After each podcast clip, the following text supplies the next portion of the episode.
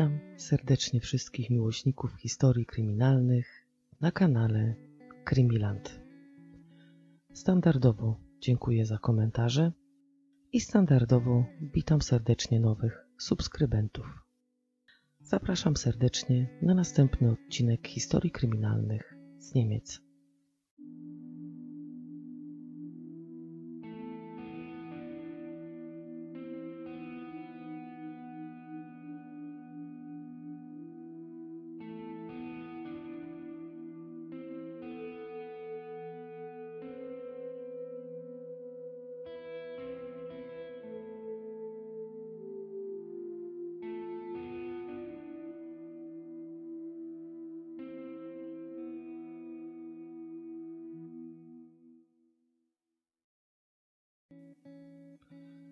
Dziś będziemy się kręcić w okolicach Wasserburg am Inn i Monachium.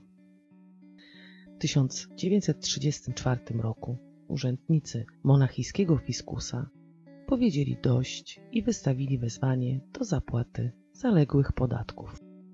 Suma, którą dłużnik miał uregulować, opiewała na ponad 400 tysięcy marek. Wezwanie zostało wypisane, włożone w kopertę, zaadresowane i oczywiście nie wysłane, ponieważ żaden z urzędników nie odważył się tego zrobić, a nikt nie chciał ryzykować życia. Adresatem i dłużnikiem był ówczesny wódz i przywódca Rzeszy Niemieckiej Adolf Hitler. 50 km od Monachium w Wasserburg am Inn cyklicznie od 1878 roku organizowany jest największy w Niemczech targ, na którym można kupić i sprzedać kury, koguty, króliki, różne gatunki ptaków i oczywiście gołębie. Jest 1942 rok. Aby zapewnić odpowiednią podaż ludności, racjonowano żywność i towary codziennego użytku. Wszystko było zatem dostępne tylko na kartki spożywcze lub certyfikaty zakupu. W ten sposób zapewniono ludności podstawową opiekę, ale jeśli chodzi o ubrania i jakieś ekstra jedzenie, ludzie wykazywali się niezwykłą kreatywnością i kombinowali jak mogli. Buchmering, miejscowość oddalona od Wasserburg am Inn, około 2,5 km. 60-letni Leonard Eda od 30 lat pracuje jako furman u miejscowego właściciela młyna Ruperta Sztema. Eda zajmuje pokój mieszczący się nad wozownią i znajdujący się z daleka od pomieszczeń mieszkalnych. Pomieszczenie jest niewielkie, wyposażone w łóżko, starą szafę oraz stół. Z pokoju wychodzi widok na dziedziniec. Leonard Eda urodził się 12 czerwca 1882 roku w Holcen. W wieku pięciu lat zachorował na szkarlatynę i stracił słuch. Od tamtej pory nazywano go głuchelcem.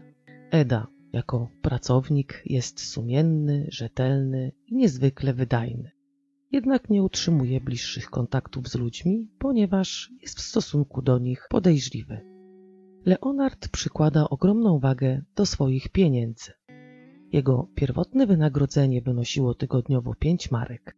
Z tego nie opłacał wyżywienia ani nie płacił za zakwaterowanie. Z napiwkami, które dostawał, zarabiał tygodniowo od 7 do 8 marek. Od 1932 roku mężczyzna z powodu utraty słuchu otrzymuje rentę powypadkową w wysokości 32 marek. Nie powinien już dostawać wynagrodzenia z innego źródła. W związku z tym panowie, czyli Eda i jego przełożony, umówili się między sobą, że zerwą umowę o pracę, a Eda mimo to będzie otrzymywał od młynarza tygodniową pensję. Oczywiście dalej nie musi płacić za zakwaterowanie ani wyżywienie. Leonard Eda prawie nie wykorzystuje pieniędzy na siebie. Nie potrzebuje kupować jedzenia, nie płaci za zakwaterowanie, czasem tylko chodzi do gospody na wieczorne piwko. Jedynie na czym nie oszczędza, to na ubraniach. Przez sześć lat od 1925 roku był w stanie zaoszczędzić 1600 marek. Część tych pieniędzy przekazał swojemu pracodawcy na przechowanie. Jednak jego przełożony uważał, że Eda zaoszczędzonych pieniędzy ma więcej. Pilnował nawet, żeby go nikt nie oszukał, ani nikt nie okradł, ponieważ czasy były niepewne i wszystko mogło się zdarzyć. Leonard porozumiewał się z ludźmi na migi, ponieważ uznając go za upośledzonego psychicznie, nikt nie nauczył go ani czytać, ani pisać. W pojęciu innych był po prostu głuchy i głupi. Czasy narodowego socjalizmu były czasami niepewnymi dla osób niepełnosprawnych. Dotyczyło to również osób głuchych, takich jak Leonard Eda. Wielu głuchoniemych początkowo z zadowoleniem przyjęło nową sytuację polityczną w szkołach, w Hitlerjugend, czy też we wszystkich młodzieżowych stowarzyszeniach, w których były również głuchonieme dzieci i młodzież, według nazistowskich zasad zostały rozdzielone i podzielone na grupy. Wszystko zostało tak zorganizowane, żeby dzieci nie poczuły się wykluczone z organizacji. To było powolne wprowadzanie zmian, które w przyszłości nie wyszły im na dobre. Narodowi socjaliści uważali ludzi upośledzonych fizycznie i psychicznie za niegodnych życia. Z powodu ich schorzeń państwo, troszcząc się o nich, traciło na nich pieniądze i według nazistowskiej ideologii nie było dla nich miejsca w procesie budowania rasy panów.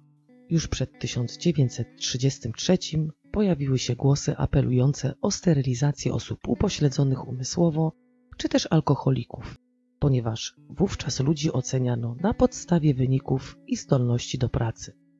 Dlatego już w 1933 roku ustalono prawne zapobieganie możliwym chorobom dziedzicznym.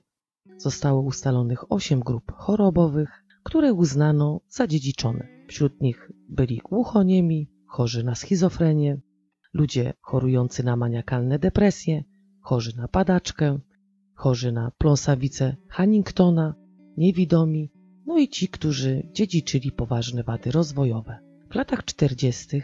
zintensyfikowano działania przeciwko niepełnosprawnym, polegające na systematycznym zabijaniu za pomocą leków i gazyfikacji. W przypadku osób niesłyszących prawo dotyczyło tylko tych, którzy tę chorobę dziedziczyli. Osoby, które, tak jak Eda, straciły słuch z powodu choroby, nie podlegały przepisom mówiącym o kastracji czy też uśmierceniu.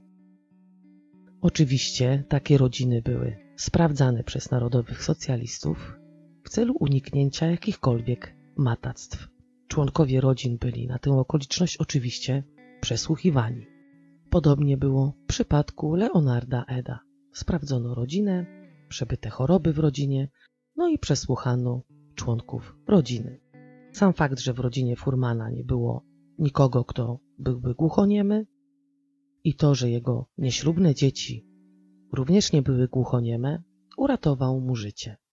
Ale mimo to przez wielu nie był traktowany jako osoba zdrowa na umyśle.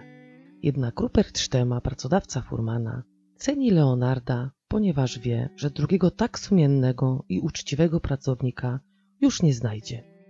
Leonard zawsze wstawał skoro świt, pierwsze kroki kierował do stajni, żeby zająć się swoimi końmi i przygotować je do pracy. Później pojawiał się w kuchni na poranną porcję zupy i kawy. Nigdy nie chorował, nigdy nie uskarżał się na swoje zdrowie. W poniedziałek 2 lutego 1942 roku 25-letnia pokojówka Cycylia Bała, pracująca w posiadłości właściciela młyna Ruperta Sztema, znajduje ciało Leonarda Eda. Mężczyzna ubrany w skarpetki, majtki i koszulę leżał na brzuchu obok łóżka w kałuży krwi. Z raportu policyjnego po dokonaniu oględzin miejsca znalezienia zwłok wynikało, że Denat miał podcięte żyły i poderżnięte gardło. Do tego trzy ślady dźgnięć nożem w bezpośrednim sąsiedztwie krtani i jedno w okolicy serca. Śmierć nastąpiła z powodu wykrwawienia. Podczas dokonywania oględzin miejsca znalezienia zwłok przesłuchano wstępnie świadków, żeby poznać jak najwięcej szczegółów okoliczności śmierci Furmana. Pokojówka Cecylia Bała, która znalazła martwego Eda, pracuje u właścicieli młyna od 1938 roku. Zeznała, że furman często pokazywał jej na migi, że chce się powiesić albo poderżnąć sobie gardło. 1 lutego widziała go po raz ostatni, kiedy ten pomógł jej przynieść wodę i drewno do domu. Później pokazał jej znów na migi, że chce iść do gospody i już go więcej tego wieczoru nie widziała. 2 lutego o godzinie 8 poszła zawołać furmana na zupę. Nie weszła do pokoju, tylko rzuciła śnieżką w zasłonięte okno, a później uderzyła łopatą w dach. Przekonana, że Eda to zauważy. Po krótkim czasie powtórzyła tę samą czynność. Ponieważ o 8.30 furman nie pojawił się w kuchni, poszła do jego pokoju. Włączyła światło i stwierdziła, że Leonard odsypia wczorajsze wyjście do gospody. O 13 podawano obiad, na którym Leonard również się nie pojawił. Cecylia Bała udała się więc do jego pokoju i zauważyła, jak Eda siedząc na łóżku, ćka się kilka razy w szyję. Oczywiście obie ręce i łóżko były mocno zakrwawione. W momencie, kiedy wykonał kolejny ruch wskazujący na to, że zamierza gnąć się w serce, pokojówka rzuciła mu się na ratunek, wyrywając nóż z jego ręki. Młynarz Józef Zeitla, również pracownik Ruperta Sztema, po tym jak jego pracodawca kazał mu iść sprawdzić, czy to, co mówi pokojówka, jest prawdą, zeznał, że kiedy wszedł do pokoju furmana, ten był już prawdopodobnie martwy. Policja według zeznań głównego świadka, czyli Cecylii, wyklucza udział osób trzecich i uznaje, że Eda prawdopodobnie popełnił samobójstwo. Jednak pracodawca Leonarda nie wierzył, że ten targnąłby się na swoje życie. Znał go dobrze i wie, że jego pracownik nigdy czegoś takiego by nie zrobił. Poza tym poinformował policję, że tak naprawdę pokojówka, która znalazła ciało Furmana, nie poinformowała ludzi siedzących w kuchni od razu. Najpierw poszła do pralni, gdzie umyła ręce, próbowała również tam wyczyścić fartuch z krwi. Wszystko trwało około 10 minut. Po wykonaniu tych czynności stanęła na środku w kuchni, wciągnęła powietrze i powiedziała: Głuchelec poderżnął sobie gardło. Rupert Sztema uważał Cecylię za dobrą pracownicę. Wykonywała swoje obowiązki dobrze, nienagannie, ale nie miał do niej za grosz zaufania. Opowiadał o tym, jak dowiedział się, że Cecylia wzięła od Eda 12 nowych koszul i wysłała je w paczce, oczywiście do domu. Skąd to wie? Służąca Anna Kandla poinformowała go o tym, że bała wysłała ją na pocztę w celu wysłania paczki. Kiedyś przywłaszczyła sobie mięso, jajka i inne produkty i gdyby nie żona Sztema, wysłałaby je również pocztą. Uważali Cecylię po prostu za kłamczuchę, która często fantazjowała i mijała się z prawdą. Po drugie, pracodawca Leonarda udzielił policji dość ważnych wskazówek, bo według niego Furman i Cecylia mieli romans. Eda był bogaty, a pokojówce mogło zależeć na tym, żeby wyłudzić od głuchoniemego pieniądze. Dla policji zachowanie pokojówki było również dziwne. Przecież każdy, kto jest świadkiem takiej sytuacji, widzi tyle krwi, reaguje całkiem inaczej niż zareagowała Cecylia. Tym bardziej, że to jest kobieta, a kobiety są emocjonalne i z reguły w takich sytuacjach podnoszą krzyk, płaczą, panikują, a nie idą najpierw myć ręce. Policja z Wasserburg am Inn postanowiła zwrócić się do prokuratury w Traunstein i poprosili tam o dalsze wytyczne.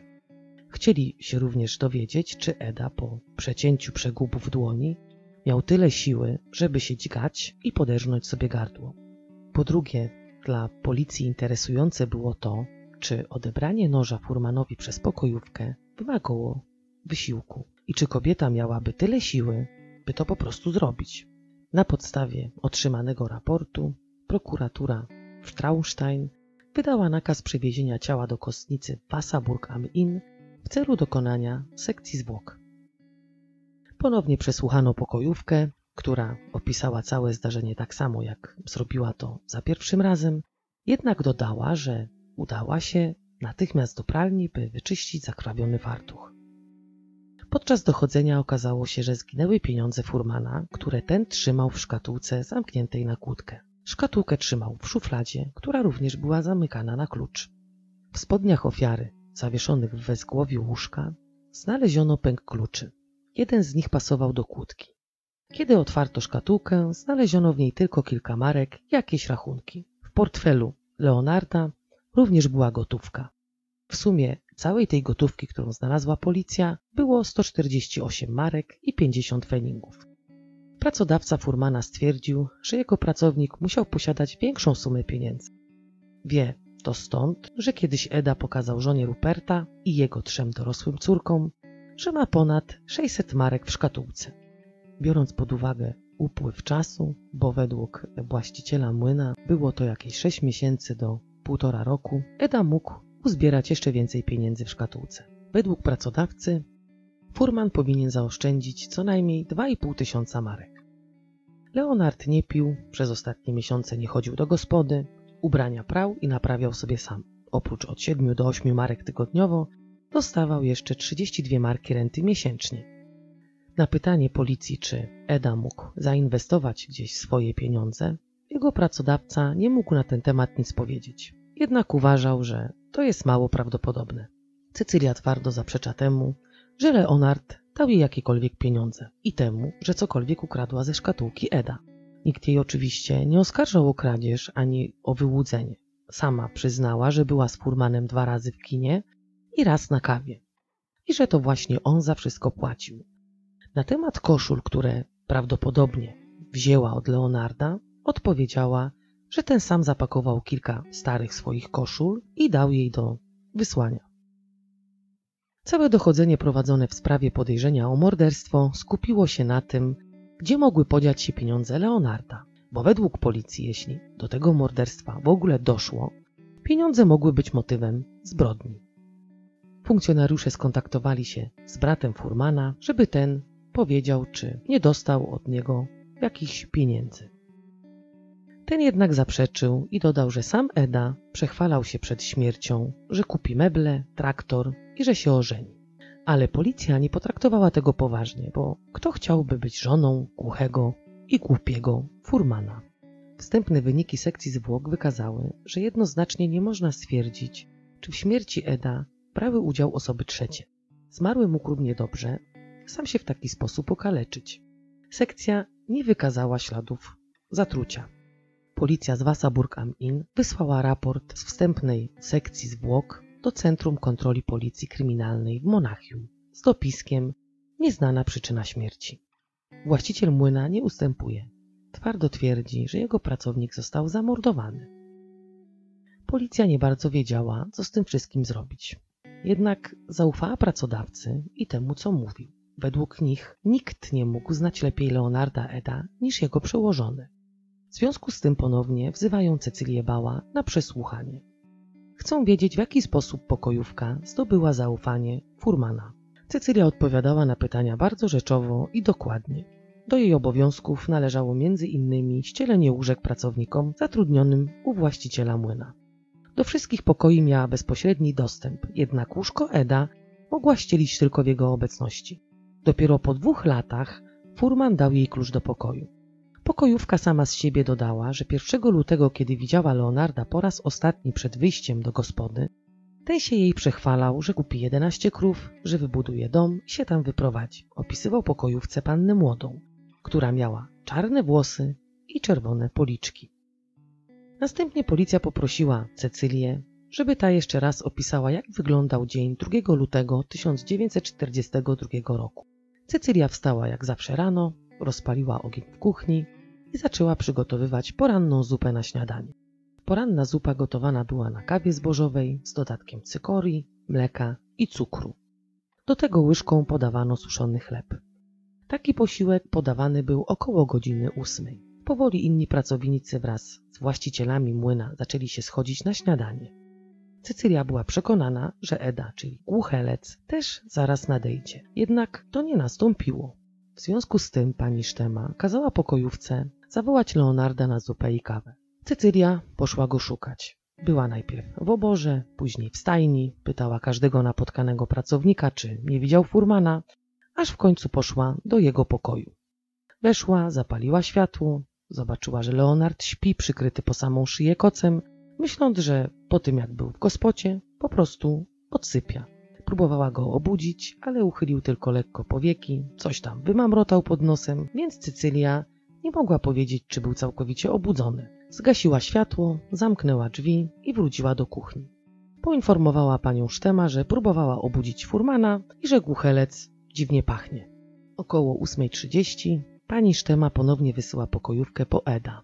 Ta idzie, rzuca najpierw śnieżką w jego okno i uderza trzonkiem od łopaty w dach. Kiedy nie było żadnej reakcji, poszła do pokoju Leonarda, zapaliła światło, potrząsnęła nim, żeby się obudził Następnie zgasiła światło i wyszła. Nie poszła od razu do kuchni, tylko zajęła się porannym ścieleniem łóżek i zmianą pościeli. Po tej czynności poszła do pralni, ponieważ był to również dzień prania. Zaznaczyła, że się śpieszyła, bo chciała jechać do miasta na lekcję nauki gry na cytrze. Poza tym planowała wyprostować włosy z powodu dnia rolnika. O dziewiątej była praktycznie wyrobiona ze swoimi obowiązkami. Ponieważ powtórzyła, że się spieszyła, poinformowała panią Sztema o swoich planach na popołudnie. Zaniosła przekąskę do młyna, nie zwracała uwagi na okna furmana i wróciła do pracy w pralni. Prała do momentu, aż nadszedł czas na obiad. To była godzina około trzynastej. Weszła do kuchni, tam już siedzieli inni pracownicy wraz z pracodawcami i ich córkami. Kiedy chciała zasiąść do stołu, zauważyła głośno, że furmana również nie ma na obiedzie. Pani Sztema zapytała córek i innych obecnych, czy widzieli tego dnia Leonarda, jednak wszyscy zaprzeczyli. Wtedy Cecylia sama z siebie oznajmiła, że pójdzie do jego pokoju zobaczyć, co się dzieje. Ponownie rzuciła śnieżką w jego okno i uderzyła trzonkiem łopaty o dach. Po chwili jednak, kiedy nie było żadnej reakcji, poszła do jego pokoju. Weszła, zapaliła światło i ku jej przerażeniu zobaczyła, jak Eda ćka się lewą ręką w szyję. Leżał na skraju łóżka po prawej stronie, a całe łóżko i plecy furmana były we krwi. Krew sączyła się również z przegubów na dłoniach. Kiedy furman chciał dźgnąć się w serce, ta wyrwała mu nóż, który rzuciła na łóżko, a wtedy Eda spadł na podłogę. Zanim w pośpiechu wybiegła z pokoju furmana, zauważyła jeszcze, że był ubrany w koszulę, majtki, zielone skarpetki, a nogi miał owinięte żółtym kocem. Wybiegając z pokoju, spadła ze schodów. Nie udała się od razu do kuchni, żeby powiadomić wszystkich, tylko najpierw poszła do pralni, żeby wyczyścić fartuch z krwi i prawą rękę, która też była cała we krwi. Ponieważ, żeby zapalić światło, którego włącznik był po lewej stronie łóżka, musiała na to łóżko wejść. Łóżko oczywiście lewą stroną stało przy ścianie. Także podczas tych trzech wizyt, zapalając światło u furmana, wchodziła na jego łóżko, przechodziła przez śpiącego Leonarda i pociągała za sznurek. Światło było włączane i wyłączane za pomocą sznureczka. Dlaczego wyczyszczenie fartucha było ważniejsze niż powiadomienie właścicieli o zdarzeniu? Dlatego, że fartuch nie był jej własnością, nie chciała po prostu, żeby pociągnięto ją do jakiejkolwiek odpowiedzialności za zniszczenie rzeczy, która nie należała do niej. Poza tym Eda już nie żył, więc nie było sensu się spieszyć. Po drugie, całe to czyszczenie fartucha i mycie ręki nie trwało długo, po czym udała się do kuchni i powiadomiła pozostałych o śmierci Leonarda. Wszyscy jak jeden mąż wraz z pokojówką udali się do pokoju furmana. Na pytanie, czy miała romans z Leonardem, stanowczo zaprzeczyła i wyjaśniła, że cerowanie mu ubrań wcale nie oznacza tego, że ktoś jest z kimś w jakimś związku. Eda nikogo nie miał, więc uznała, że mu poceruje i naprawi zniszczone rzeczy. Raz Eda, podziękowaniu za przysługę w 1941 roku, zafundował jej bilet do cyrku. Cecylia wcześniej wyprasowała mu kilka garniturów. W cyrku byli praktycznie wszyscy pracownicy państwa Sztema. Później Leonard zaproponował jej wspólne wyjście do kina, na co ona oczywiście się zgodziła. Po filmie zaszli do kawiarni na kawę i małą przekąskę. Za wszystko płacił furman. Rachunek opiewał na cztery marki, co się Leonardowi nie spodobało i zarzucał Cecylii, że ta zamawia tak drogie przekąski. Te zarzuty prawdopodobnie trwały cały tydzień, bo według Cecylii wszystko było dla Eda za drogie. Jednak mimo to furman ponownie zaproponował jej wyjście do kina i oczywiście pokojówka się zgodziła. Po seansie znów poszli do kawiarni. Tym razem rachunek wynosił dwie marki i to również było dla furmana za dużo. Po jakimś czasie Cecylia postanowiła wyjść do kina sama. Kiedy Leonard spostrzegł, że wychodzi i dowiedział się, że idzie sama, stał się brutalny i zarzucał jej, że ona pewnie idzie do kina z młynarzem Zeitla. Zarzucił jej, że dwa razy zapłacił za jej bilet w kinie i bilet do cyrku. Policzył, ile na nią wydał i pokazał jej to na palcach u rąk. Pokojówka zaprzecza, żeby kiedykolwiek Eda chwalił się jej, ile posiada pieniędzy. W pokoju furmana również nie widziała żadnych marek. Jeśli chodzi o próbę wysłania paczki z jedzeniem i jajkami do siostry, o której pani Sztema wspomniała policji, Cecylia wyjaśnia, że jej siostra posiadająca trójkę dzieci, mieszkająca w Monachium, nie miała dostępu do zakupu wiejskich jaj. W związku z tym Cecylia przez dwa tygodnie uzbierała 50 sztuk dla siostry. Następnie spakowała paczkę, do której dołożyła pozostałe z obiadu mięso oraz chleb i chciała to siostrze wysłać. Nie ukradła jaj, bo kiedy pani Sztema zapytała ją o paczkę i co w niej jest, ta chciała nawet zapłacić za nie 30 marek. Jednak pani Sztema się nie zgodziła. Zanim wysłała paczkę żywnościową, upewniła się, że pracodawcy mają wystarczającą ilość jaj. Co do koszul, które otrzymała od Eda, to nawet ich nie wzięła. Zaproponowała natomiast furmanowi, żeby wysłał je po prostu bratu. Po przesłuchaniu i szczegółowych wyjaśnieniach Cecylii, policja uznaje, że przecież samo wyjście do kina nie znaczy, że ktoś musi być w jakimś związku. A zachowanie pokojówki, zanim powiadomiła właścicieli o śmierci Eda, może być wywołany szokiem. Co do paczek żywnościowych, to prawdę mówiąc, panuje wojna i każdy orze jak może, więc można by było się na upartego do tego przyczepić. Jednak sprawa dotyczyła morderstwa, a nie ilości skradzionych czy też nieskradzionych jaj. Z przeprowadzonego dochodzenia wynikało, że Eda miał jednak przy sobie 290 marek gotówki. U właściciela miał odłożone 1623 marki i 68 feningów. Co więcej, na podstawie istniejących rachunków policji udało się ustalić, że na same garnitury Leonard wydał w przeciągu 10 lat 736 marek i 27 feningów. Przeliczyli, ile dostał renty miesięcznie, jednak nie mogli przeliczyć dokładnie, ile zarabiał, ponieważ Eda według prawa nie pracował. Po podliczeniu kwot, których byli pewni, okazało się, że furman prawdopodobnie miał prawie 3000 marek. Jednak pracodawcy, jak i ich córki, upierali się, że tych pieniędzy Leonard miał na pewno więcej. Powinien mieć gdzieś około 4000 marek. Tego akurat policja nie mogła w żaden sposób udowodnić, ponieważ furman pokazując pani Sztema i jej córce plik banknotów, nie mówił ile tam ich jest i nie pokazywał im każdego banknotu pojedynczo. Więc no nie mogły tego nawet tak jak to się mówi w biegu czy tam w locie przeliczyć. Po wszystkim policja napisała ostateczny raport wyjaśniający okoliczności śmierci Leonarda Eda. W raporcie napisano, że wszystkie śmiertelne rany mógł zadać sobie sam Eda, że nie ma dowodów na to, że to właśnie Cecylia Bała poderżnęła furmanowi gardło. Nie ma też dowodów na to, że pokojówka przyjęła jakąkolwiek kwotę od mężczyzny, czy też te pieniądze ukradła. Przyczyna samobójczej śmierci jest w tym przypadku jak najbardziej prawdopodobna. Jednak po jakimś czasie przyszedł w końcu pełny raport z sekcji zwłok. Tam uznano, że Leonard Eda po podcięciu sobie żył przeciął również ścięgna prawej ręki. W związku z tym nie mógł okaleczyć się ręką prawą, tylko lewą. Jednak pracodawca Leonarda stanowczo zaprzeczył, żeby ten był leworęczny. Dlatego jeśli podcinałby sobie żyły, to głębsze cięcie byłoby na lewym przegubie dłoni, a nie na prawym. Lekarzom przeprowadzającym sekcję wydawało się to mało prawdopodobne, żeby ktoś praworęczny podciął sobie żyły wraz ze ścięgnami w prawej ręce, następnie tą niesprawną ręką podciął żyły w lewej ręce i tą lewą ręką zadał sobie ciosy w szyję, serce i poderżnął gardło. Czyli według lekarzy patologów Eda nie mógł sam sobie zadać tych wszystkich ran, ponieważ byłoby to fizycznie niemożliwe. Patolodzy zarzucili tym, którzy robili oględziny na miejscu zbrodni, lekceważenie i niechlujność, a także niekompetencje, tym samym podważając ostateczny raport policji z Wasserburg am Inn, mówiący o tym, że prawdopodobną przyczyną śmierci Furmana jest samobójstwo. Raport, jaki przedstawiła policja z Wasserburg am Inn, nie odgrywał już w tym momencie żadnej znaczącej roli, ponieważ monachijski sędzia wydał nakaz prowadzenia śledztwa w sprawie o morderstwo.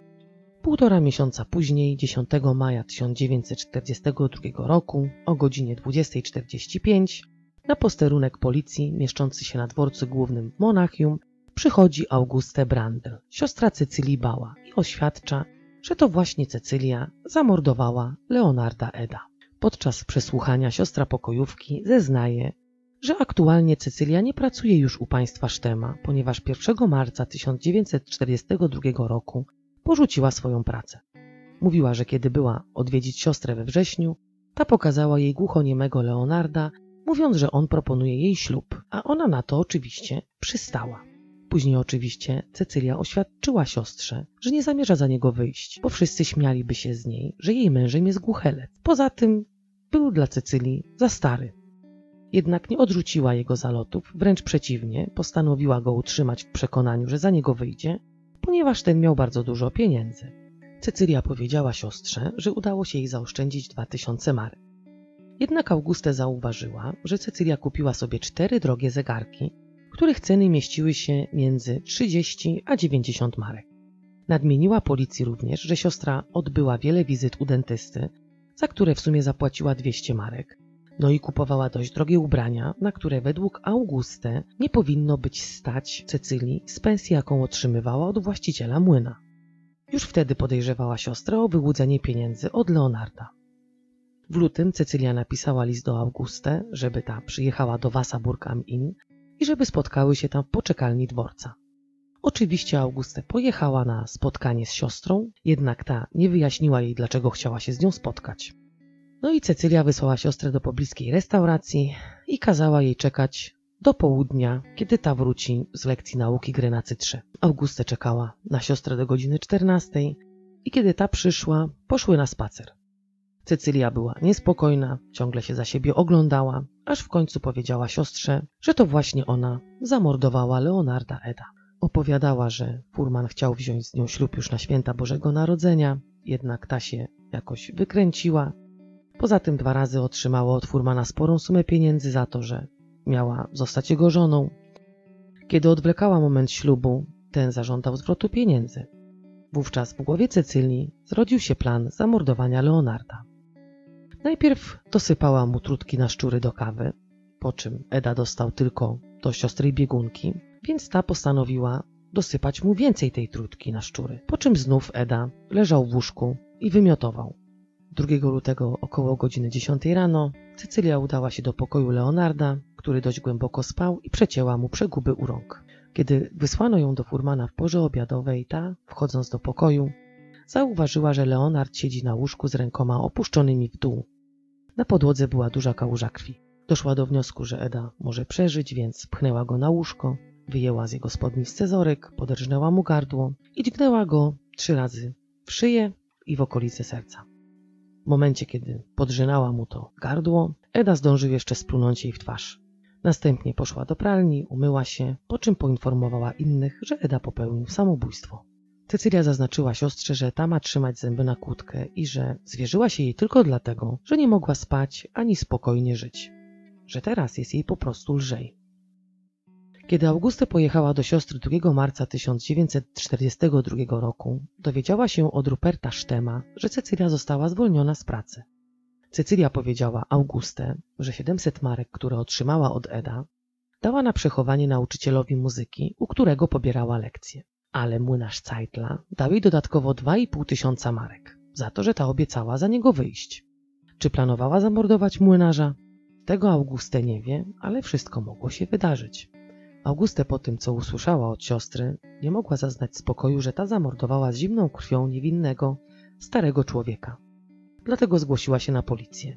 Jednak zanim to zrobiła, poinformowała rodziców o czynie ich córki, którą uważali za dobrą, uczciwą i pracowitą. Ojciec o morderstwie, które miało miejsce u właściciela młyna, czytał w gazecie, a Cecylia napisała mu w liście, że to właśnie ona znalazła ciało furmana. On sam nie mógł uwierzyć w to, że jego córka mogła coś takiego zrobić. Ojciec uznał, że Auguste mówi takie głupoty, bo jest po prostu zazdrosna i że chce się zemścić, że tak naprawdę Auguste w rodzinie nie ma dobrej opinii, bo jest mściwa, zazdrosna i zawzięta. Ojciec Cecylii uważał ją za kobietę o dobrym sercu, ponieważ regularnie wysyłała pieniądze rodzicom. Sumy, które wysyłała, były różne. Raz było to 30 marek, innym 20, a znów innym razem wysłała nawet 100 marek. Poza tym przez czas, kiedy pracowała u państwa Sztema, wysłała około 10 paczek żywnościowych. Paczki zawierały ciasto, ser, jajka i mięso. Cecylia pisała w listach do rodziców, że wszystko kupiła za zarobione pieniądze. Cała rodzina oprócz Augusty nie wierzyła w to, że dziewczyna dopuściła się morderstwa. Wszyscy natomiast źle mówili o samej Augustie. 16 maja 1942 roku, około godziny 16, policja aresztuje Cecylię i umieszcza ją w tymczasowym areszcie Passaburg am Inn. Ponowne przesłuchania świadków odbyły się w posiadłości właściciela młyna pana Sztema. Georg Eda, brat ofiary, zeznał, że widział brata ostatni raz, kiedy ten był u niego w odwiedzinach podczas świąt Bożego Narodzenia. Mówił, że ogólnie bracia często się nie widywali, ale wtedy Leonard powiedział mu, że ma oszczędności w wysokości 4000 marek. Żebyście mogli wyobrazić sobie, jaką wartość miało wówczas 4000 marek, to powiem wam, że biorąc pod uwagę siłę pieniądza, wychodzi na to, że Leonard miał oszczędności porównywalne w dzisiejszych czasach w sumie 80-90 tysięcy euro. No nie są to może miliony, ale też nie jest to mało pieniędzy. Za taką kwotę dziś można kupić dobre auto, a nawet dom. Także taki Leonard Eda był niezłym kąskiem dla oszustów, którzy mogliby chcieć wyłudzić od niego pieniądze, no albo nawet go okraść. Brat Furmana zaznaczył, że ten był być może głuchy, ale nie był głupi, że był człowiekiem wesołym i na pewno nie popełniłby samobójstwa. Przesłuchano również wszystkich pracowników, którzy byli zatrudnieni u państwa Sztema. Pracownicy podczas przesłuchań na wieść, że Eda został zamordowany przez Cecylię, reagowali sceptycznie. Jakoś specjalnie nie mogli w to uwierzyć.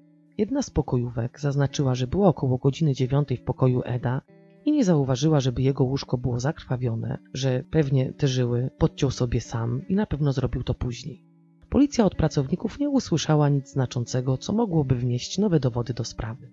Właściciele młyna jednak nadal upierali się, że to właśnie pokojówka zamordowała Furmana i okradła go z jego oszczędności. Nauczyciel muzyki, u którego Cycylia pobierała lekcje gry na cytrze, zeznał, że sam kiedyś pozwolił sobie ją pocałować.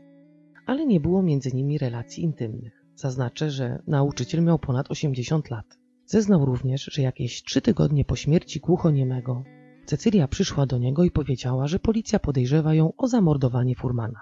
Jednak ona temu stanowczo zaprzeczyła i powiedziała nauczycielowi muzyki, że nie zrobiła nikomu nic złego, po czym wręczyła mu dzianinową torebkę, którą miał dla niej przechować. Wyjaśniła, że w torebce jest 700 marek, które pochodziło oczywiście z jej oszczędności. Za przechowanie tych pieniędzy dała mężczyźnie 100 marek.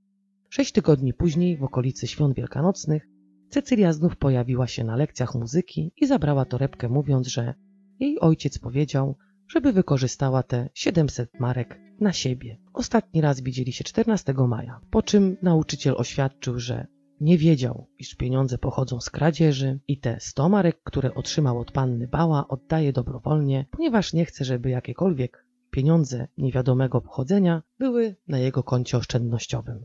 W trakcie prowadzenia śledztwa policja dowiedziała się również, że Cecylia miała w posiadaniu silne środki nasenne, które wypisał jej na receptę lekarz. Zażywając je w takich dawkach, w jakich były zalecane, nie były groźne. Jednak kiedy przyjęłoby się je za jednym razem całe opakowanie, mogłoby to grozić zatruciem. Dziś ten lek nie jest już rozprowadzany, a użycie go w jakikolwiek sposób jest karalne. Policja dowiedziała się również, że pokojówka leczyła się u dentysty, leczenia nie pokrywała kasa chorych, za wszystko oczywiście płaciła Cecylia z własnej kieszeni. Zastanawiali się więc skąd miała na to fundusze. Śledczy musieli zebrać dowody na to, że Cecylia posiadała pieniądze, które nie należały do niej lub otrzymywała wynagrodzenie z jakiegoś niepewnego źródła. Pokojówka zarabiała u państwa Sztema około 30 marek miesięcznie. Biorąc pod uwagę to, że wysyłała pieniądze rodzicom, paczki żywnościowe, za które, jak mówiła, płaciła z własnych zarobionych pieniędzy, kupowała sobie drogie zegarki, ubrania, za leczenie u lekarzy płaciła oczywiście gotówką, opłacała lekcje nauki gry na cytrze. Według policji z pensji, którą otrzymywała, nie byłoby jej stać. A oszczędności w pewnym momencie przecież się kończą. W związku z tym wezwano na przesłuchanie młynarza Zeitla i spytano go wprost, ile tak naprawdę pieniędzy dał Cecylii. Zeitla przed złożeniem zeznań został zaprzysiężony i ostrzeżony, że jeśli powie nieprawdę, poniesie odpowiedzialność karną. Młynarz powiedział, że nie dał Cecylii więcej niż 460 marek w gotówce. Przyznał, że dawał jej na boku mniejsze kwoty i płacił za lekcje nauki gry na cytrze. Kilka razy był z nią w kinie i kawiarni. Zaprzeczył, że miał z nią jakiekolwiek stosunki płciowe i jeśli tak zeznała Cecylia, to znaczy, że perfidnie kłamie. Frau Kandla, która była zatrudniona u państwa Sztema do dojenia krów, zeznała, że Leonard często mówił o poślubieniu Cecylii, że widziała go kilka razy, jak o czwartej rano wychodził z jej pokoju. Według Frau Kandla, gdyby między nimi nic nie było, Leonard nie byłby zazdrosny o Cecylię. Kiedy pokojówka chciała wyjść z młynarzem do kina, Eda dostał prawdopodobnie szał. Dodała, że Cecylia kiedyś pokazywała jej środki nasenne i mówiła, że jak poda furmanowi 10 sztuk, to się go pozbędzie. Mówiła, że pokojówka pokazała jej również kwotę 1200 marek, które dostała niby od młynarza. Policja ponownie przesłuchuje Cecylię. Ta jednak wszystkiemu zaprzecza. Mówi, że nigdy od żadnego lekarza nie dostała środków nasennych, ponieważ ze snem nie miała problemów. Zaprzeczyła również temu, żeby leczyła się u jakiegokolwiek dentysty. Mówiła, że tylko raz w życiu była chora na zapalenie migdałku. Stanowczo również zaprzeczyła, że dostawała pieniądze od mężczyzn. Mówiła, że sama miała zaoszczędzone 220 marek i tylko te pieniądze widziała. Żadnych innych kwot nie otrzymała od nikogo. Ponownie opisała tak samo dzień, w którym doszło do śmierci Leonarda. Kiedy policja zapoznała ją z zeznaniami świadków i tym, co powiedzieli, ta pęka i przyznaje się do zamordowania Furmana. Wieczór poprzedzający śmierć głuchoniemego mężczyzny dosypała mu rozgniecione tabletki nasenne do piwa. Było ich 16 sztuk. Żeby wypił całą szklankę naraz, kupiła wcześniej ulubione ciasto Leonarda i powiedziała mu, że jak nie wypije piwa, to nie dostanie ciasta. Około godziny 10 następnego dnia podcięła mu żyły a w porze obiadowej poderżnęła mu gardło. Oczywiście przyznała się do tego, że otrzymała od Eda 2200 marek. Przyznała się również do tego, że kiedy go zamordowała, ukradła ze szkatułki 800 marek, które schowała w stercie drzewa, ponieważ policja ją przeszukiwała. Przyznała, że była u nauczyciela muzyki, dała mu torebkę z pieniędzmi i zapłaciła mu 100 marek. Mówiła, że cały ten romans z Leonardem zaczął się niewinnie, ponieważ frau Kandla dokuczała Cecylii, mówiąc furmanowi, że ta chce za niego wyjść i że ma ileś tam krów i świń. Kiedy Eda zapytał pokojówki, czy to prawda, ta nie zaprzeczyła. Niby niewinne żarty przerodziły się w grę, z której kobiety czerpały korzyści, ponieważ tak jakby znalazły sposób na zdobycie pieniędzy. Eda w sumie dał pokojówce więcej niż 2200 marek, z czego frau Kandla dostała 1200. Oczywiście wiedziała, że są to wyłudzone pieniądze. Cecylia zeznała, że Kwota nie była dana jej w całości jednorazowo, ale po 100, 300 czy 200 marek. I w sumie wyszło, że dostała to tak jakby za współudział w oszustwie Leonarda. Siostra Cecylii, Auguste, również otrzymała od niej prawdopodobnie pewne kwoty pieniędzy i również wiedziała, że jest to wyłudzona kasa od furmana. Eda dawał pieniądze swej oblubienicy, ponieważ ta miała kupić posag oraz dokupić świnie i krowy. Ogólnie Cecylia miała zmartwienia bo żarty żartami, ale obiecała mężczyźnie ślub. Wzięła od niego pieniądze na zakup posaku i do kupienia trzody. I kiedy mówiła Leonardowi, że nie chce być jego żoną, ten zażądał zwrotu pieniędzy, których Cecylia już po prostu nie miała. Wtedy właśnie powstał pomysł zamordowania Furmana, który według zeznań Cycylii został podrzucony przez frau Kandla i jej siostrę Augustę. Ta druga podsunęła pomysł zabicia Eda tabletkami nasennymi. Miała iść do kilku lekarzy i zdobyć od nich recepty na środki nasenne niby dla męża. Jednak jej odmówiono, ponieważ mąż musiał się zgłosić osobiście. Jakimś cudem zdobyła środki nasenne i wysłała je w liście do siostry pisząc To są tabletki, których szukasz. Pomogą ci zabić. Cecylia przyznała, że myślała o zabiciu Eda już wcześniej, wówczas frau Kandla podrzuciła jej pomysł z trutką na szczury, którą dosypała Leonardowi do herbaty. Jednak dostał tylko po niej silnej biegunki. Cały czas utrzymywała, że wymienione przez nią kobiety same namawiały ją do tego czynu, jak i wyłudzenia pieniędzy od Leonarda. Prawdą jest, że to właściciele młyna wyrzucili ją z pracy, ponieważ cały czas podejrzewali ją o zamordowanie furmana. Wówczas zamieszkała u Augusty, której nie płaciła za zakwaterowanie, ale Augusta ciągle się zgłaszała do niej po pieniądze. Wraz z ich siostrą Fridą panie chodziły po kawiarniach, kinach, nocowały w hotelach, kupowały ubrania. Oczywiście wszystko opłacała Cecylia. Ogólnie pokojówka w zeznaniach nie mówiła o siostrze, siostra Auguste, ale frau Auguste. W sumie całe przesłuchanie pokojówki trwało kilka dni. Ostatecznie Cecylia podtrzymała zeznania, że do morderstwa i wyłudzeń dużej gotówki została namówiona przez panią Kandla i swoją siostrę. W związku z zeznaniami Cecylii wezwano ponownie na policję frau Kandla, która przyznała, że rozmawiała z pokojówką na temat trucia głuchoniemego, ale Anna Kandla była raczej tą słuchającą niż podrzucającą pomysły. Zaprzeczyła, żeby otrzymywała jakiekolwiek pieniądze, które pochodziły z wyłudzeń. Po frau Kandla wezwano młynarza Zeitla, Chciano wyjaśnić kwestię pieniędzy, które młynarz dał pokojówce. Zeitla przyznał się, że w poprzednim zeznaniu skłamał, mówiąc, że dał Cecylii tylko 460 marek, ponieważ tych pieniędzy było więcej. Przyznał, że chciał poślubić pokojówkę, na co ona oczywiście się zgodziła. Zeznał, że pewnego dnia dostał list od siostry Cecylii Auguste Brandl, w którym ta nazywała go drogim szwagrem i prosiła o pieniądze. Oczywiście tłumacząc, że potrzebuje ich na zakup mebli do nowo wybudowanego domu. W końcu ponownie wezwano samą Augustę, żeby skonfrontować jej zeznania z zeznaniami Cecylii i młynarza Cajpla. Ta przyznała, że siostra pisała jej o tym, że chce się pozbyć Leonarda i chciała jakiejś rady od Augusty w tej kwestii. Auguste powiedziała jej, że jedynie tabletki mogą pomóc, ale to nie było na zasadzie udziału w morderstwie, ona tylko czuła się zobowiązana wesprzeć siostrę, jednak nie miała nic wspólnego z dokonanym morderstwem, czy też podżeganiem do popełnienia tego czynu. Powiedziała, że jej mąż otrzymał jakieś środki przeciwbólowe, które pomogły mu przespać noc. Co do listu młynarza, to faktycznie go napisała, bo poprosiła ją o to Cecylia, która chciała w taki sposób wyłudzić pieniądze od starca. Faktycznie dostała od siostry kilka razy po 500 marek, i miała dostać jeszcze raz 500 za to, że będzie trzymała zęby na kłódkę, ale do dziś nie otrzymała tych pieniędzy. Poradziła siostrze, żeby tabletki podała w całej szklance piwa i że siostra musi dopilnować, żeby furman tę całą szklankę piwa wypił. Czuła się zobowiązana pomóc i wesprzeć siostrę, ponieważ ta zarzucała jej, że tyle razy jej pomogła. Jednak nie miała nic wspólnego z molderstwem Leonarda Eda, jak i jego pieniędzmi. Przez cały ten czas siostry obrzucały się oskarżeniami. Jedna zaprzeczała drugiej, ale w sumie nie było jakichś rażących różnic w ich zeznaniach. Opowiem wam teraz trochę o rodzinie Bała. Rodzina Bała mieszkała w dość kiepskich warunkach w Wolfratshausen. Ojciec Józef Bała był pracownikiem na kolei. Przed podjęciem pracy na kolei służył w wojsku przez 9 lat. Mówił, że podczas I wojny światowej walczył z Hitlerem. Opisał go jako towarzysza niedoli wojennej. Jednak nie do końca wiadomo, co tak naprawdę miał na myśli. Czy to, że walczył z nim ramię w ramię, czy po prostu to, że mieli podobne poglądy. Od 1942 roku Józef Bała otrzymywał rentę w wysokości 50 marek. Według oświadczeń najstarszej córki Auguste, Józef był alkoholikiem. O matce nie wiadomo zbyt wiele, tylko tyle, że podjęła dodatkową pracę. Małżeństwo miało siedmioro dzieci. Sześcioro z nich jeszcze żyło w lutym 1942 roku. Najstarszą z córek była właśnie Auguste. Później była Cecylia, następnie Frida i Karolina. Każda z dziewczyn w momencie osiągnięcia 13 roku życia opuściła dom rodziców i poszła na służbę do innych gospodarstw. Najmłodsza córka małżeństwa Bała zmarła dwa miesiące po narodzinach. Dwóch synów Józef i Franz pracowali również na kolei. Józef walczył na froncie wschodnim, a w maju 1942 roku wraz z ojcem zatrudnili dla Cecylii prawnika. Później zginął na froncie.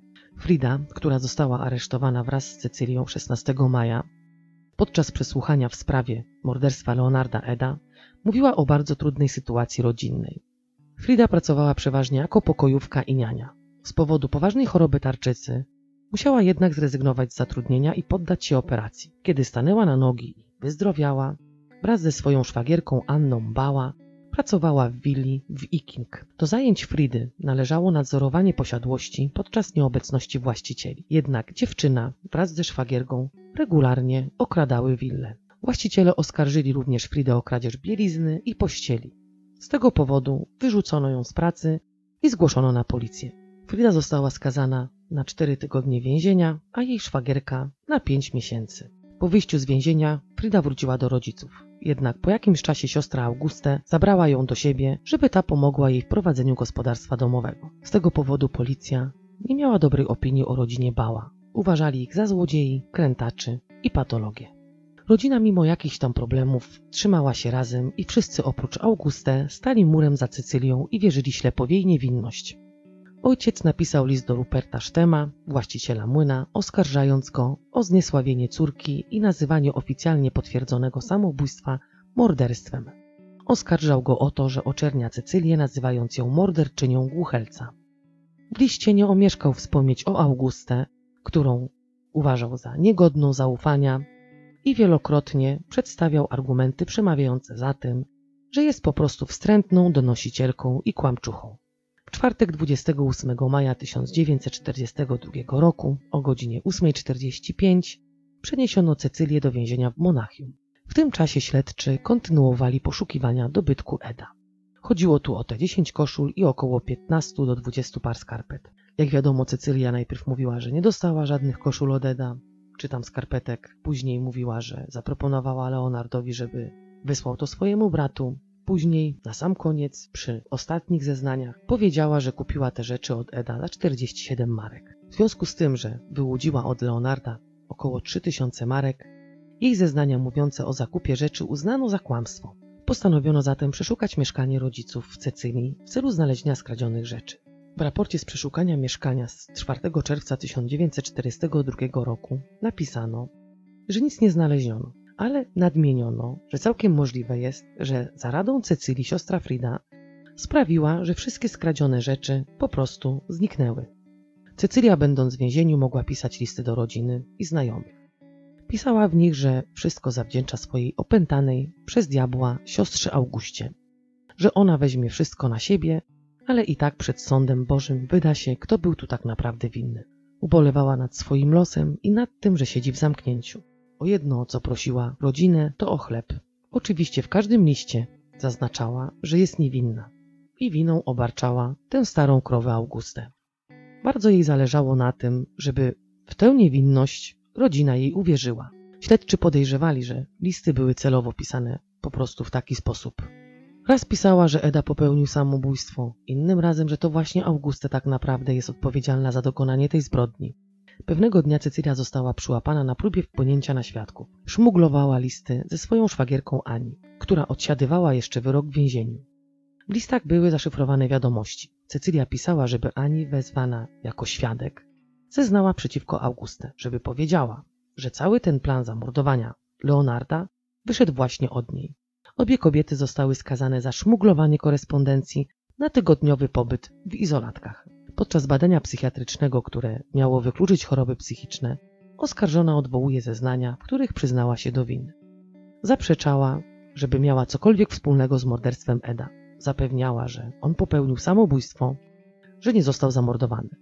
Lekarz oświadczył, że Cecylia ma zachowania psychopatyczne, ale nie jest chora psychicznie, że ma wahania nastroju, raz się śmieje, innym razem płacze. W ocenie biegłego psychiatry Cecylia zachowuje się jak dziewczynka w okresie dojrzewania i ostatecznie nie można zdiagnozować żadnej choroby psychicznej. 4 sierpnia 1942 roku ojciec Cecylii składa skargę do prokuratora na Augustę, która będąc w odwiedzinach u swojej siostry Fridy w jej nowym miejscu pracy, zażądała od niej 10 marek. Kiedy ta odmówiła pożyczenia tych pieniędzy, wówczas Augustę poszła do przełożonej dziewczyny i zapytała ją, czy wie kogo zatrudniła, opowiadając przy okazji o złodziejstwach, jakich jej siostry się dopuściły. Ojciec w skardze napisał, że czuje się zagrożony szantażami córki i że Augustę postąpiła z Fridą tak samo jak z Cecylią. Wyraził także podejrzenie, że mąż Augustę nie zarabia tak dużo jako konduktor tramwajów i jego zarobki nie powinny starczyć na taki styl życia, jaki obydwoje prowadzą. Poprosił prokuratora o sprawdzenie Augustę Brand i prześwietlenie jej życia. 7 sierpnia 1942 roku Cecylia ponownie odwołuje zeznania, w których przyznała się do zamordowania Furmana. Zeznała, że zrobiła to z obawy przed siostrą Augustę, która powiedziała, że ją zabije, jeśli ta ją wyda. Zeznała, że to właśnie Augustę miała potajemny romans z Leonardem i że to właśnie ona obiecała mu ślub. Zeznała również, że Augustę wyłudziła od biednego Eda ponad 3000 marek i szczyciła się tym, że owinęła sobie starca wokół palca. Proces Cecylii trwał jeden dzień. Augustę podczas zeznań zaprzeczyła temu, żeby miała jakikolwiek związek z oszustwami siostry i zaprzeczyła również romansowi z Leonardem Eda. Jednak nie dało się ukryć, że o planowaniu morderstwa wiedziała prawie wszystko i jakby nie było częściowo korzystała z pieniędzy wyłudzonych przez Cecylię. W związku z tym po złożeniu zeznań jako świadek sąd wydał nakaz aresztowania Auguste Brandt. Po krótkim procesie o godzinie 20.15 ogłoszono wyrok w imieniu narodu niemieckiego i skazano Cecylię Bała na karę śmierci.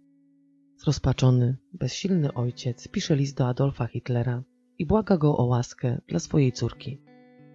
Ja wam oczywiście zacytuję tutaj ten list w całości. List był zatytułowany Szanowny Firerze i kanclerzu Adolfie Hitlerze, mój drogi Firerze i kompanie wojenny, ja i moja żona prosimy z podniesionymi rękoma o łaskę dla naszej córki Cecylii Bała, urodzonej 6 maja 1917 roku i oskarżonej dnia 15 października 1942 w Monachium przez sąd specjalny o popełnienie morderstwa. Naszą córkę skazano na śmierć i błagamy wraz z żoną o litość i ułaskawienie. Biorąc pod uwagę wiek Cecylii, w nawiasie stoi 25 lat, można uznać, że popełniła ten czyn z głupoty i bezsilności. Cecylia jest dziewczyną oszczędną i bardzo pracowitą. Mimo przebytych chorób, nigdy nie narzekała na ciężką pracę. Sam wstyd, jaki przyniosła rodzinie, jest najgorszą dla nas karą. Dlatego proszę wraz z żoną, szanowny Firerze i towarzyszu niedoli wojennej, o litość dla mojej córki. Już straciliśmy najstarszego syna, piechura Józefa Bała, który zginął podczas walk na wschodzie. Szanowny Firerze i kompanie niedoli wojennej, znasz wszystkie moje biedne okoliczności, a do tego jeszcze coś tak strasznego spada na naszą rodzinę. Dlatego błagam raz jeszcze wraz z żoną, zlituj się, mój panie przywódco i kompanie wojenny, zlituj się nad moją córką i uratuj nas, rodziców, przed największym wstydem. Podpisano wdzięczny oficer wojenny Józef Bała wraz z żoną panią Bała. Jak się pewnie domyślacie, Hitler nawet nie odpowiedział na ten list. 19 października 1942 roku wysłano do ojca Cycylii pismo. Ojciec miał poinformować odpowiednie władze, czy chce sam na własny koszt pochować córkę, czy też odmawia przyjęcia ciała. Józef Bała na drugi dzień udał się osobiście do prokuratury i oznajmił, że nie będzie go stać na pochówek córki i podpisał odpowiednie dokumenty. 29 października 1942 roku Cecylia wysłała odręcznie napisany list do sądu, prosząc o ponowne rozpatrzenie wyroku i łaskę. Opisała raz jeszcze całe zdarzenie, wskazując winną Augustę Brandl. 24 listopada 1942 roku mecenas dziewczyny pisze pismo do Ministerstwa Sprawiedliwości Rzeszy, prosząc o łaskę dla Cecylii Bała. Tego samego dnia minister sprawiedliwości odroczył wykonanie wyroku, ale tylko i wyłącznie z powodu procesu Auguste Brandl, na którym Cecylia miała być jako świadek. Jednak sędzia uznał, że obecność skazanej nie jest w sprawie wymagana, ponieważ Augusta została już osądzona podczas krótkiej rozprawy, która trwała również, podobnie do rozprawy Cecylii, jeden dzień. 22 grudnia 1942 roku, z samego rana, informują Cecylię, że tego właśnie dnia zostanie wykonany wyrok. Mówią jej również, żeby uregulowała wszystkie swoje sprawy. Cecylia znów i w pośpiechu pisze wniosek o ponowne rozpatrzenie wyroku, prosząc o łaskę. Władze sądowe nie odpowiedziały już na wniosek Cycylii.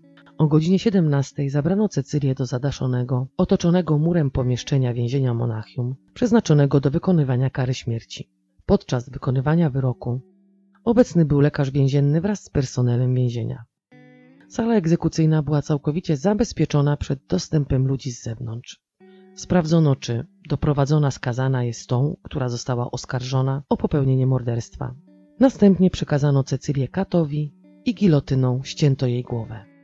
Cały proces egzekucji, który odbył się bez incydentów, trwał 55 sekund. Po dokonaniu egzekucji ciało skazanej wraz z jej głową umieszczono w stojącej nieopodal trumie. Następnie nakazano wystawienie plakatu informacyjnego o przeprowadzanej egzekucji. 24 grudnia 1942 roku Ministerstwo Sprawiedliwości zostało poinformowane o wykonaniu kary śmierci. Pewnie jesteście ciekawi, co u Augustę.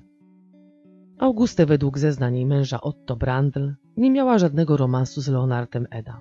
Jednak mąż Augustę nie zaprzeczył temu, że Cecylia przysyłała paczki żywnościowe i wspierała siostrę finansowo. Po morderstwie Furmana mąż Augustę zabronił jej przyjmowania jakichkolwiek pieniędzy od Cecylii, ponieważ podejrzewał, że pochodzą one od zamordowanego Leonarda. Nakazał również żonie pojechać do rodziców i powiedzieć o tym, że Cecylia zamordowała Furmana. Miała to zrobić, nawet gdyby ten krok byłby dla niej trudny i znaczyłby, że mogłaby stracić rodzinę. Mimo to, że nie brała udziału w morderstwie, jednak jej rola i pomoc w dostarczeniu siostrze tabletek, jak i podsunięcia pomysłu była dla sądu po prostu jasna. Została skazana na 4 lata i 6 miesięcy pozbawienia wolności. Ponadto została pozbawiona praw obywatelskich na okres 3 lat. Augustę prawie po dwóch latach i pięciu miesiącach została zwolniona. Powodem zwolnienia była decyzja Ministerstwa Sprawiedliwości Rzeszy, zgodnie z którą więzienia należało ewakuować przed wkroczeniem wojsk alianckich. Po wojnie od połowy stycznia Augustę kontynuowała odbywanie pozostałej części kary. Głównie to właśnie ojciec wniósł o bezwzględne odbycie pełnej kary przez Augustę i oświadczył, że nie chce widzieć już jej nigdy więcej w domu rodzinnym. Po jakimś czasie mąż Augustę wniósł o rozwód, uzasadniając to tym, że kobieta zrujnowała rodzinę i naraziła go na szkody finansowe. Jednak zaznaczył, że jest skłonny utrzymać małżeństwo tylko wtedy, kiedy Auguste wróci do domu. W związku z tym, że chciano, aby rodzina została utrzymana, a Auguste miała bardzo dobrą opinię oraz dlatego, że po wojnie zgłosiła się dobrowolnie odbyć dalszą część kary, wypuszczono ją na wolność. No i na tym kończy się historia wyrachowanej morderczyni Cecylii Bała. Całą sprawę opracowałam na podstawie książki Urlike Claudii Hoffman pod tytułem Dokumentacja przestępstwa Cecylii Bała. W książce można przeczytać akta organów śledczych, jak i uczestniczyć w całym postępowaniu, jaki miał związek ze sprawą morderstwa Leonarda Eda. Nie mam zbyt dużo linków dotyczących tej sprawy, ponieważ w internecie nie ma praktycznie żadnych informacji na ten temat. Dziękuję bardzo za pomoc moim trzem koleżankom, Agnieszce Krysi i Ani, z którymi przegadałam niejedną noc na temat tej sprawy. Były to bardzo ekscytujące rozmowy. I jestem oczywiście ciekawa, co sądzicie o tej sprawie. Czego mogę Wam dziś życzyć? Jak zawsze, z całego serca, życzę Wam wszystkiego dobrego. Bądźcie ostrożni. Do usłyszenia wkrótce.